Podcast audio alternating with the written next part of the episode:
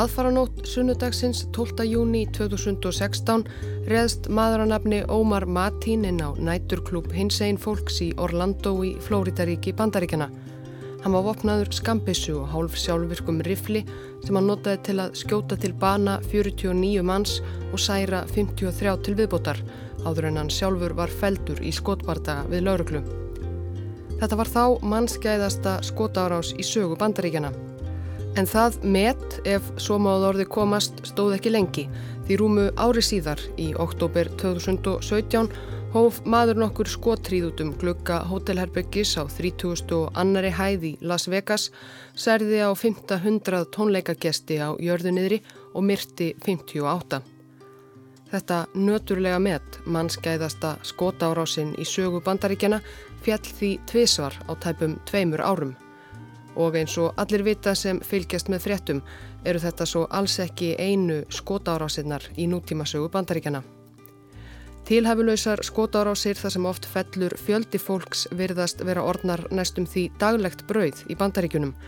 15.079 bandaríkjaman letu lífið í skotárásum á árinu 2016, 30.614 til viðbótar særðust, svipaður fjöldi fólks let lífið í skotárásum 2015 og 14. Hvernig má koma í vekk fyrir þetta mikla mannfall? Það er spurning sem hefur brunnið á bandarískum yfirvöldum og almenningi um ára bil, því auðvitað er þetta vandamál ekki nýtt af nálinni. Eftir hvert hörmulegt fjöldamorðið hafa bandaríkja fórsetar ávarpað þjóð sína þungir á brún og harmað ofbeldið og blóðsúthellingarnar. En hvernig er ég að binda enda á þetta ofbeldi um það eru skiptar skoðanir? Margir vilja koma hömlum á skotuvopnaegn bandaríkjamanna en þar er á brattan að segja. Fátt er eins umdelt þar vestra og rétturinn til byssuegnar. Republikanar á þingi þvertaka fyrir allar tilraunir til að herða skotvopna lögjöf og hagsmunasamtök byssu unnenda eru feikna sterk. En þó, það er eitt dæmi úr sögunni sem fylgjendur hertra byssulaga Vestanhafs vitnagjarnan til sem hugsanlega fyrirmynd að aðgerðum í bandaríkunum. Í april 1996 letu 35 manns lífið þegar ungur maður vopnaður heilu skotvopnabúri gekk bersesgangi í Port Arthur fjölsóttum ferðamannastæði í Tasmaníu í Ástralíu. Þetta var lang mannskeiðasta slíka árásinn á fríðartímum í Ástralíu og varð áströlsku þjóðinni mikið reyðarslag. Blóðbæðið leiti til þess að þáverandi forsætisráð þeirra Ástrala John Howard mælti fyrir nýjum reglum um skotvopnaegn, miklu strángari en þær sem háður höfðu verið. Meðal annars voru fjölmarkar tegundir upplugra skotvopna gerðar ólöglegar og Ástralska ríkið keifti upp mörg hundruð þúsund bissur af borgurum með miklum tilkostnaði. Þetta voru ekki óumdildar aðgerðir en það ástralska þjóðin hluti hennar að minnstakosti gerðnan verið nokkuð bissuglöð. En síðan þá hefur bissuglæpum í Ástralíu snar fækkað rétt eins og vonir stóðu til og blóðbað á við það í Port Arthur hefur aldrei endur tekið sig.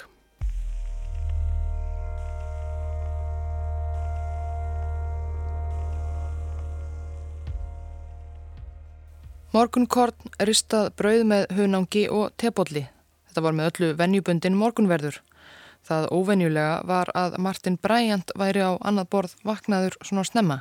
Kærastan hans hafði furðað sig á því að hann stilti vekjaraklökkuna á sex þennan sunnudagsmorgun. Þau hafðu reyndar bara verið saman í nokkrar vikur en hún hafði aldrei vitað til þess að Martin Bryant notaði vekjaraklökkuna yfir leitt en það þurfti hann mjög sjaldan að vera mættur einhverstaðar snemma á mótnana. En þennan morgun, 28. april 1996, vaknaði hann sem sagt snemma. Hann fór í sturtu og deildi morgunkorninu og ristaða brauðinu með kæristunni sinni. Hann kvatti hana svo um áttaleitið því hún þurfti að vera mætt einhver staðar þennan morgunin ólíkt honum. Hann hafði aldrei unnið árum saman nýja verið í námi. Hann gerði mest lítið, vaknaði þess vegna einlega aldrei snemma. En þennan morgun eftir að hann kvatti kæristuna þá stóð hann í stóræðum. Martin Bryant átti gamlan Volvo, Sker Gulan. Hann festi brimbrettið sitt á þakkið á bílnum og tróð svo stóri íþróttatösku í eftirsætið. Þegar klukkan var nákvæmlega 13 mindur í tíu kveikti hann á þjófavörninni á heimili sínu og fór út. upp í Volvoin og kerði af stað. Með heilt vopnabúr í íþróttatöskunni í eftursætinu, hríðskotariffil, skambissu og stóran riffil til viðbútar.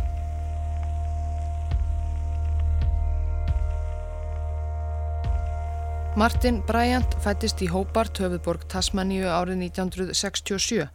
Hann var því 29 ára gamall þennan sunnundasmorgun 28. april 1996.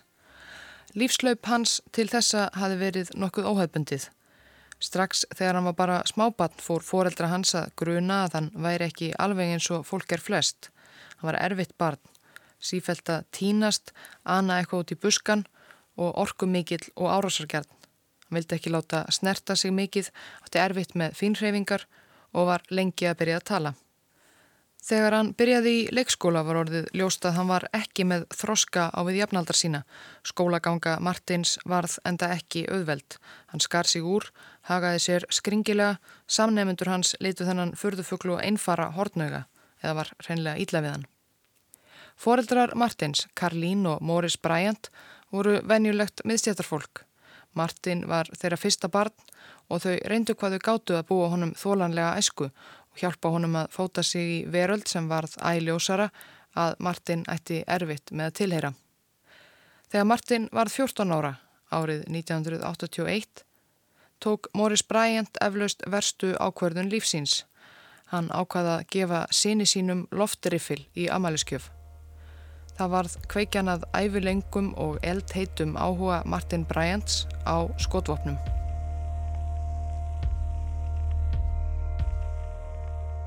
Þetta var sérlega vondur tími til að kynna drengin fyrir skotvopnum því að eftir að hann komst á kynþróskaldurinn var þann enn árásargjarnari, enn erfiðari og enn ódreiknanlegri.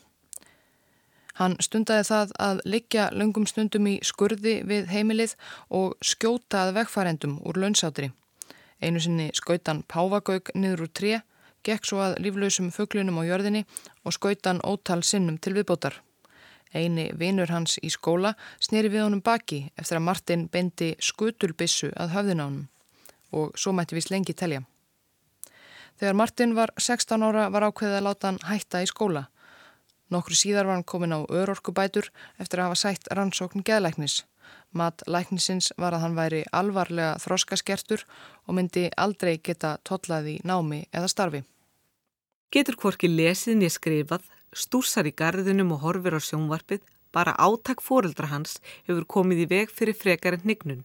Gæti verið geðklofi, fóreldrarnir eiga dapurlega framtíð fyrir höndum með honum.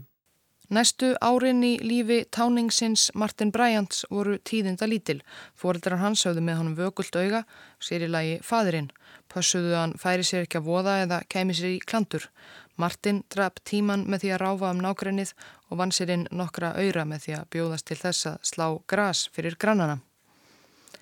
Það var þannig sem Martin kynntist Helen Harvey daginn árið 1987 þegar Martin nálgæðist tvítugt.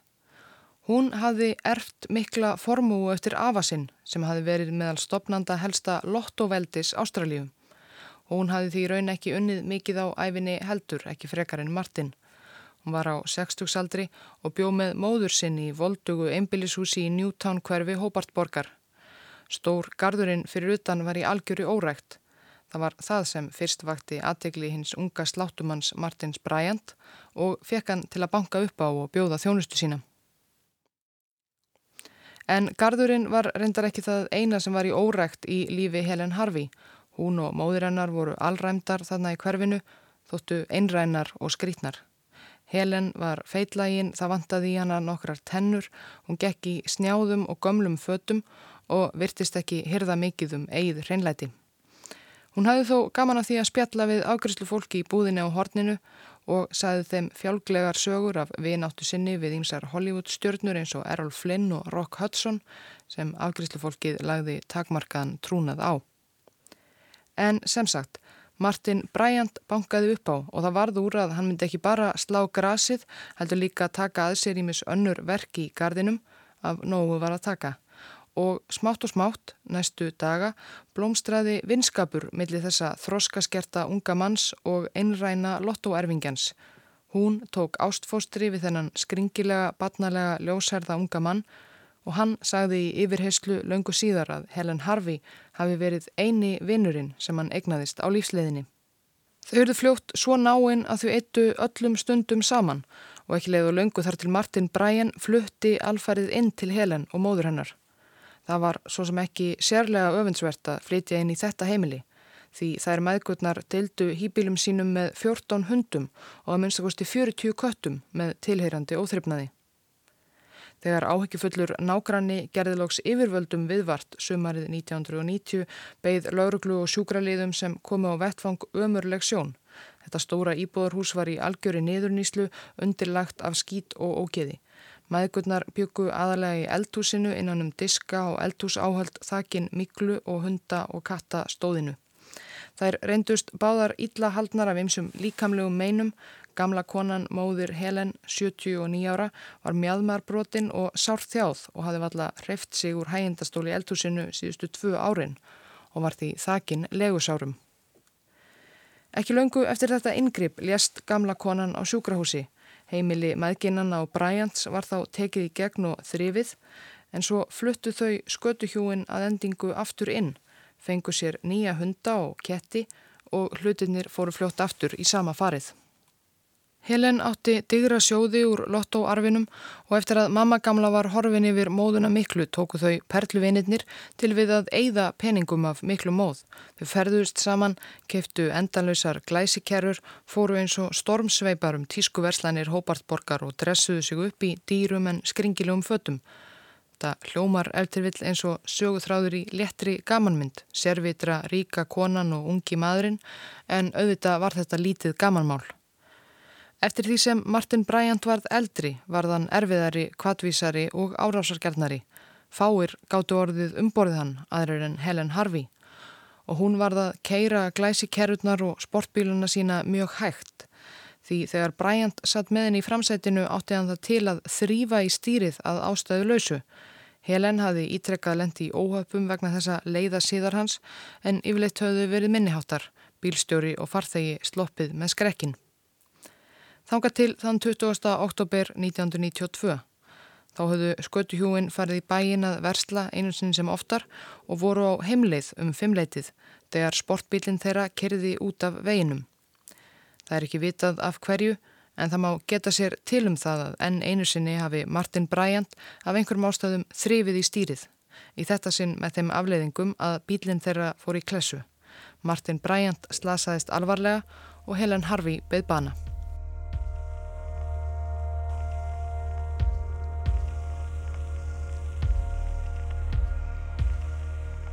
Næstu árin ráfaði hann einni gegnum lífið. Hann stopnaði til skamvinira sambanda við stúlkur sem yfirleitti letu sig hverfa þegar rann upp fyrir þeim hverskins furðufugl hann var í raun. Hann fór í tíðar utalandsferðir, hingað og þangað um heiminn en sagði reyndar síðara uppáhalds hluti hverjar ferðar hefði alltaf verið sjálf flugferðin því þá nettist fólkið sem satt við hliðina ánum í vélinni til að tala við hann. Gati ekki forðað sér eins og fólk gerði yfirleitt þegar hann opnaði munnin og hann held áfram að eigða peningum vilt og galið, kifti fött og bíla og ekki síst skotvopn. Hann kifti ofgnótt upplugur að skotvopna sem hann gatt gert algjörlega óáreittur og löglega. Það voru engin lög í Tasmaníu á þessum tíma sem bönnuðu manni sem greintur var með þroska á við áagiska 11 ára bann að kaupa sér til dæmis upplugan hrískotarifil.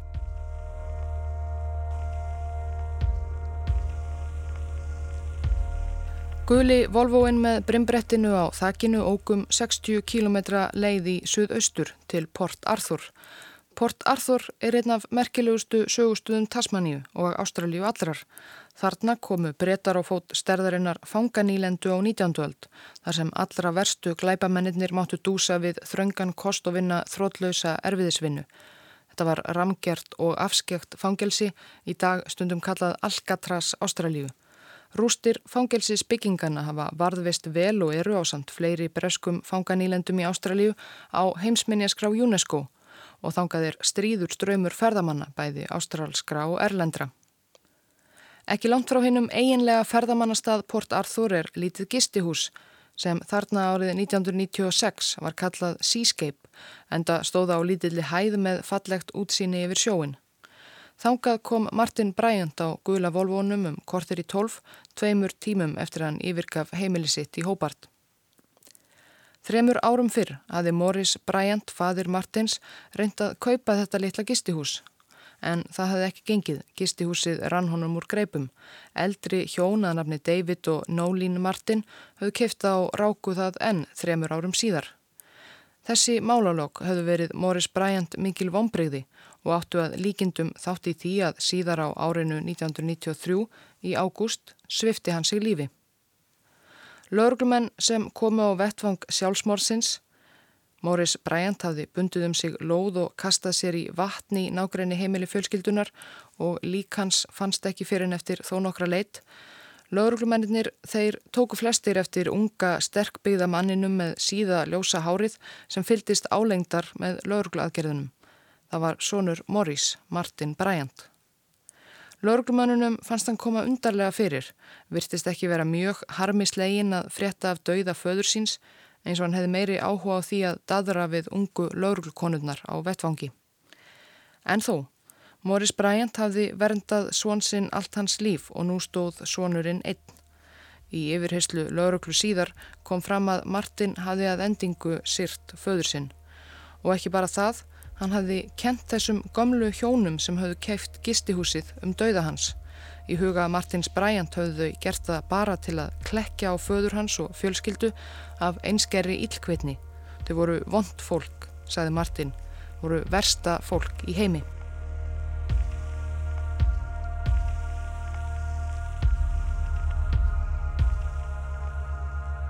Og kortir í 12. 28. april 1996 ruttist Martin Bryantinn á gistihús hjónana sem hann áleitt versta fólk í heimi. Skömmu síðar heyrði fólki í nákrenninu nokkur hávær skotljóð. Martin Bryant hafði þá skotið eigendurna, David og Nólín Martin, til bana. Til að bæta gráan og svart stakkan svo mannin nokkru sinnum með hnífi líka. Svo tók hann líklanað gistihúsinu sem fadir hans hafði svo gjarnan viljað eignast og kerði aftur af staði gula volvónum. Um eitleitið var Martin Bryant kominn að hinnu eiginlega Port Arthur ferðamannastaðnum. Hann borgaði sig inn, lagði bílnum, dröslaði svörtu íþróttatöskunni með sér. Hann ránglaði eitthvað um svæðið, svo fór hann inn á kaffistofuna og fekk sér matarbita á bakka sem hann hafi með sér út. Einhverjir heyrðu hann muldra eitthvað við sjálfan sig á meðan hann borðaði. Hann var alltaf með þessa þungu tösku svo þegar hann fór til að skila bakkanum aftur á kaffistofuna hjálpuðu einhverjir túristarhónum og heldu dýrunum opnum fyrir hann. En þegar inn var komið skellti hann töskunni á eitt af borðunum og dró upp AR-15 hríðskotarifil.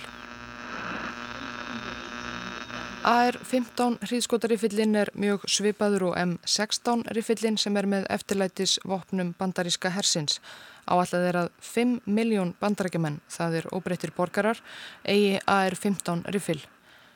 Slíkur riffil var notaður til að slátra 26 og 7 ára gálnum skólabörnum í Sandy Hook í Connecticut árið 2012 og árásarmæðurinn í Orlando notaði einnig hríðskotariffil af mjög svipaðri gerð.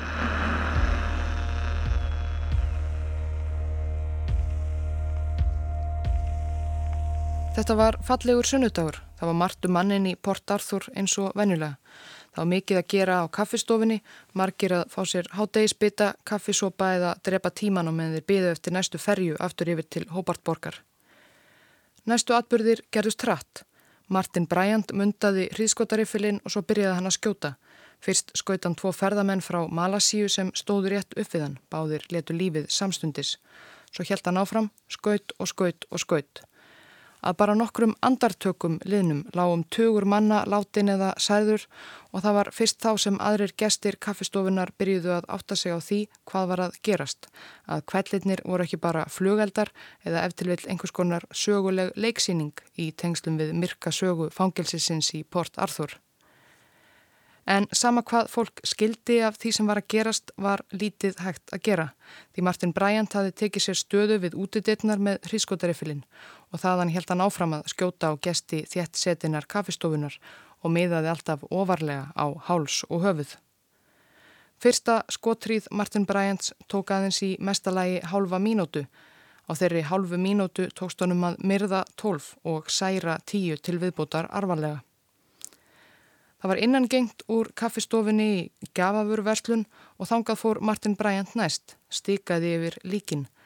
Þar inni var sömulegis fjölment en nú höfðu margir að vísu heyrt skottriðina og leitað skjóls undir og bakvið stóla og borð. En Bryant let það ekki stoppa sig.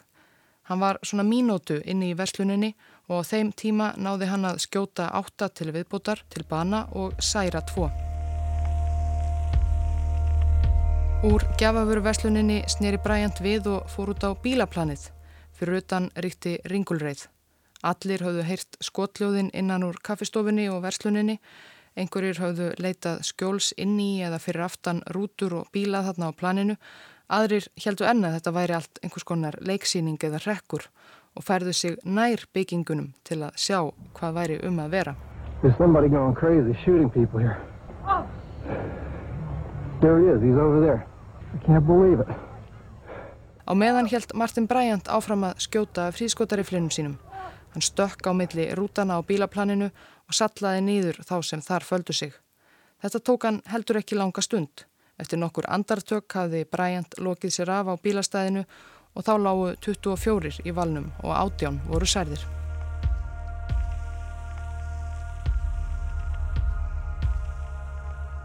Á þessu stígi málsins kom Martin Bryant sér aftur upp í gula Volvoin með brimbrettinu og þakkinu og kerði á brott frá Port Arthur. Meðfram veginum hljóp fólk sem hafi hirt skotriðina, kvekst við og lagt á flóta. Þá grunaði ekki endilega að sökudólkurinn, sjálfur fjöldamorðingin, lendist bak við stýrið á þessum frekar vinalega gamla Volvo. Svo þegar Volvoin nálgæðist frekar hægfara, grunaði til dæmis Nanette Mikats, bílstjóra hans í fyrstu ekki um neina græsku. Hún hafi verið í heimsókn í Port Arthur með tveimur dætrum, Alönu 6 ára og Madeleine 3 ára. Þegar þær meðgur heyrðu skotriðina höfðu þær lagt á flóta.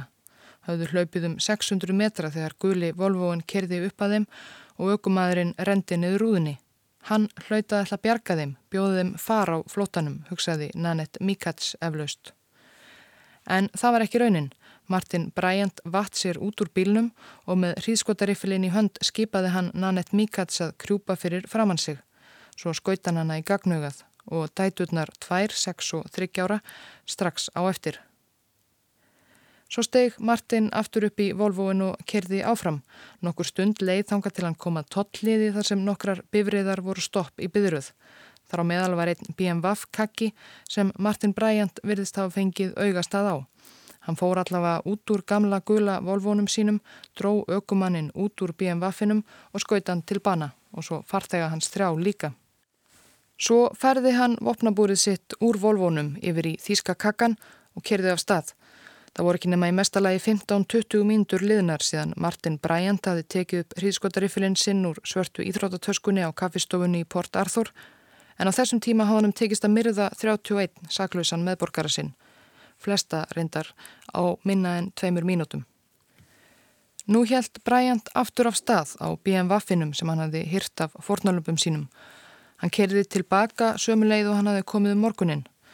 Stoppaði á bensinstöð þar sem par á þrítugsaldri hafi emitt nýlokið við að fylla á tankin á tójutunni sinni. Bryant kerði fyrir þau, stökk út úr bílnum, skaut konuna Zoe Hall til bana og tók unnusta hennar Glenn Pierce til fanga þreif hann til sín og tróðunum í skottið á BM-vaffinum.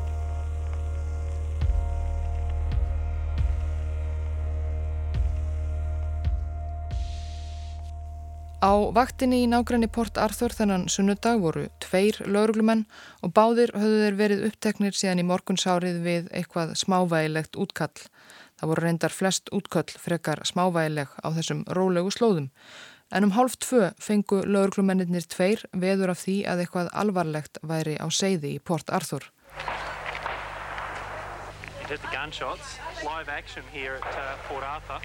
Þeir stukku af stað. Þegar lauruglumennir komu að Seascape gistihúsinu og veginum til Port Arthur sáu þeir þar fyrir utan BMWF í ljósum logum og þegar þeir nálguðust sjálft gistihúsið var skotið á þá innan úr húsinu. Lauruglumennir neittust til að leita skjóls í skurði þar sem þeir fengu að hýrast næstu klukkustundirnar. Martin Bryant hafði byrt sig inni í gistihúsinu með gíslinn Glenn Pierce og hann skauta á allt sem hreyfðist fyrir utan. Oh, hello. It's Terry again. How are you? I'm fine. How's things going in there, mate? Fine, couldn't be better. Just like on a Hawaiian holiday. Hawaiian holiday? Yes, that's correct, sir. Við heyrum brot úr einu af mörgum símtölum Martins Bryants við lauruglu og meðan umsátrin um gistihúsið stóð. Hann fabuleraði aðalega í síman, lofaði að frelsa gíslinn ef hann fengi þyrlu til að flýja. Umsátrið stóði átjón tíma. Sérsveit lauruglunar í Tasmaníu kom loks á vettvang á sunnudaskvöldið en af ótta við það að gíslinn í gistihúsinu gæti orðið fyrir skada þorðu þeir ekki að ráðast inn. Það var loks á mánudagsmorgunin sem kviknaði í gistihúsinu. Kanski hefur Bryant sjálfur kveikt í en allavega logaði fljótt glatt, ekki síst í öllum skotfærunum sem Bryant hafi haft með sér. Ekki leið á löngu þar til húsið var al elda og Martin Bryant kom hlaupandi út, föttinn utan á honum í ljósum logum. Hann var handekinn og fluttur á sjúkrahús. Þegar laurugla skoðaði vettvangin síðar, bruna rústir gisthjúsins, reyndist gíslinn hafi verið látin allan umsáturstíman. Martin Bryant hafi skotið hann skömmu eftir komuna í gisthjúsið, hans 30. og 5. fornalamp.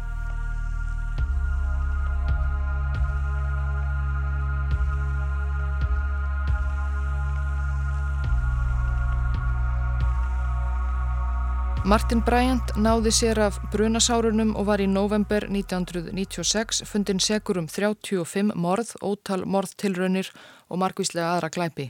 Hann var dæmdur í 35 falt lífstíðarfangelsi og 1035 ár að auki. Hann hefur nú setið inn í bráðum tvo áratugi, mest af því í einangrun þar sem meðfangar hans í fangelsinu eru taldir hafa hug á því að myrða eða ganga í skrokk á þessum allræmdasta fjöldamorðingja ástralskara sögum. Það veitir raun engin hvað Martin Bryant gekk til með fjöldamorðunum í Port Arthur. Lögmanni hans var harð bannað að tjá sig um það sem honum og skjólstæðingi hans fór á milli um það. Við getum bara getuð okkur til ef það skiptir þá einhverju máli hvað slíkum manni gengur til að myrða 35 manns. Kanski hafa einhverjir getið sér til var aðalatriðið alltaf að myrða gömlu hjónin sem hafðu haft gistihúsið af föður hans. Allt hitt Hinn morðin 33 hafi svo bara gerst einhvern veginn í framhaldinu.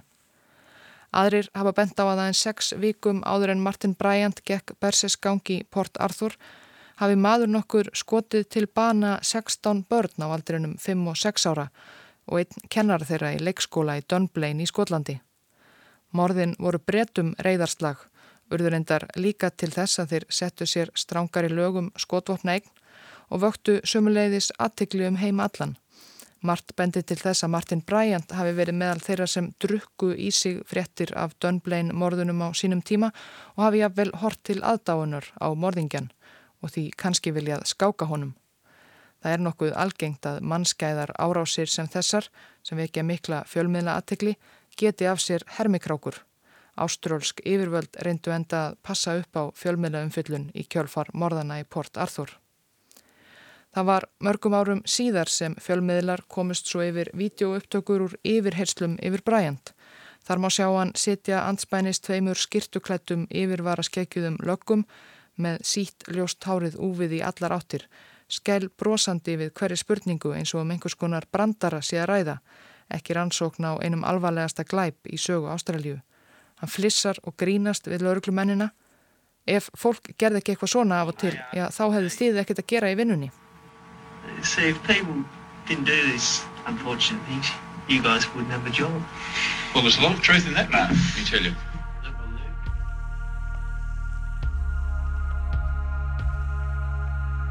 Ástralir hafðu gengið til þingkostninga bara örfáum vikum áður í byrjun mars. Þá hafði hinn hægri sinnaði frjálsindiflokkur nömlega hrifsað völdin úr höndum verkamannaflokksins sem hafði haldið um stjórnartaumana í 13 ár. Fyrir frjálslindafloknum fór John nokkur Howard sem hafi lengi verið leðtói stjórnaranstöðu en var nú loksins komin sjálfur að kjötköllunum. Og þá, eftir bara nokkrar vikur, riðu yfir þessar hörmungar mestu fjöldamorð í sögu Ástralíu á fríðartímum. Ótaðisverk Martin Bryants urðu ástralsku þjóðinni mikið áfall. 35 manns lágu í valnum, stráfelt að þér virtist algjörlega tilefnist laust á vinsælum ferðamannastað tilefni til sálarskoðunar, hvað hafi komið fyrir, hvað hafi vakið fyrir þessum kaldrifiaða morðingja sem þarna var á ferð. Og kannski ekki síst, hvernig hafði þessi ungi maður, Martin Bryant, sem svo fljótt í rannsókn málsins komið ljós að hafi verið úrskurðaður óvinnu fær sögum geðveilu, hafði alla sína tíð verið þektur fyrir að vera ódreiknanlegur og árásargjarn og með ofbeldi og dauða á heilanum, hvernig hafði hann komist yfir öll þessi skotvopn sem hann notaði til að fremja ódæðisverk sín því hann hafði jú áttu öll löglega. Það voru bara einlega engar reglur um skotvopnaegni í Tasmaníu á þessum tíma, allavega ekki sem hefði geta komið í vekk fyrir það að Martin Bryant eignaðist tólinn sem hann notaði til myrkraverka sinna þann 28. april 1996. Nú kröfðust margir ástralir breytinga. Ástralja skiptist í sex fylki og svo nokkur svæði, einingar sem allar hafa talsverða sjálfstjórn, meðal annars þegar kemur að skotofnalögjöf. Yfir slíku hafði ríkistjórninni Canberra í raun ekki mikil völd á þessum tíma. En aðeins tveimur vikum eftir morðin í Port Arthur hafði John Howard tekist að tala fylkistjórninnar á að samþykja samhljóma skotofnalögjöf sem hann kallaði þjóðarsamkomulægið. Í því fólust miklar og rótækar breytingar. Sjálfvirk og hálfsjálfvirk vopn eins og AR-15 hríðskotariffillin sem Martin Bryant hafi beitt í Port Arthur voru bönnuð, rétt eins og ákveðnar tegundir af haglabissum og öðrum öflugum bissum. Strángar reglur voru settar um skráningu á bissum, leifi og eftirlit með bissu eigandum.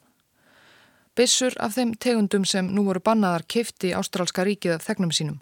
Á einu ári kefti ríkið næri því miljón bissur sem var þá líklega næri þriðjungur alla skotvopna í engaegu í landinu fyrir mörg hundruð miljónir ástrálskra dollara.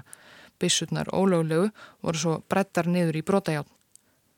Aðgerðir Háards nutu stuðnings meiri hluta ástrálsku þjóðarinnar sem var enni sárum eftir atbyrðina í Port Arthur en þar voru þó alls ekki óumdeildar.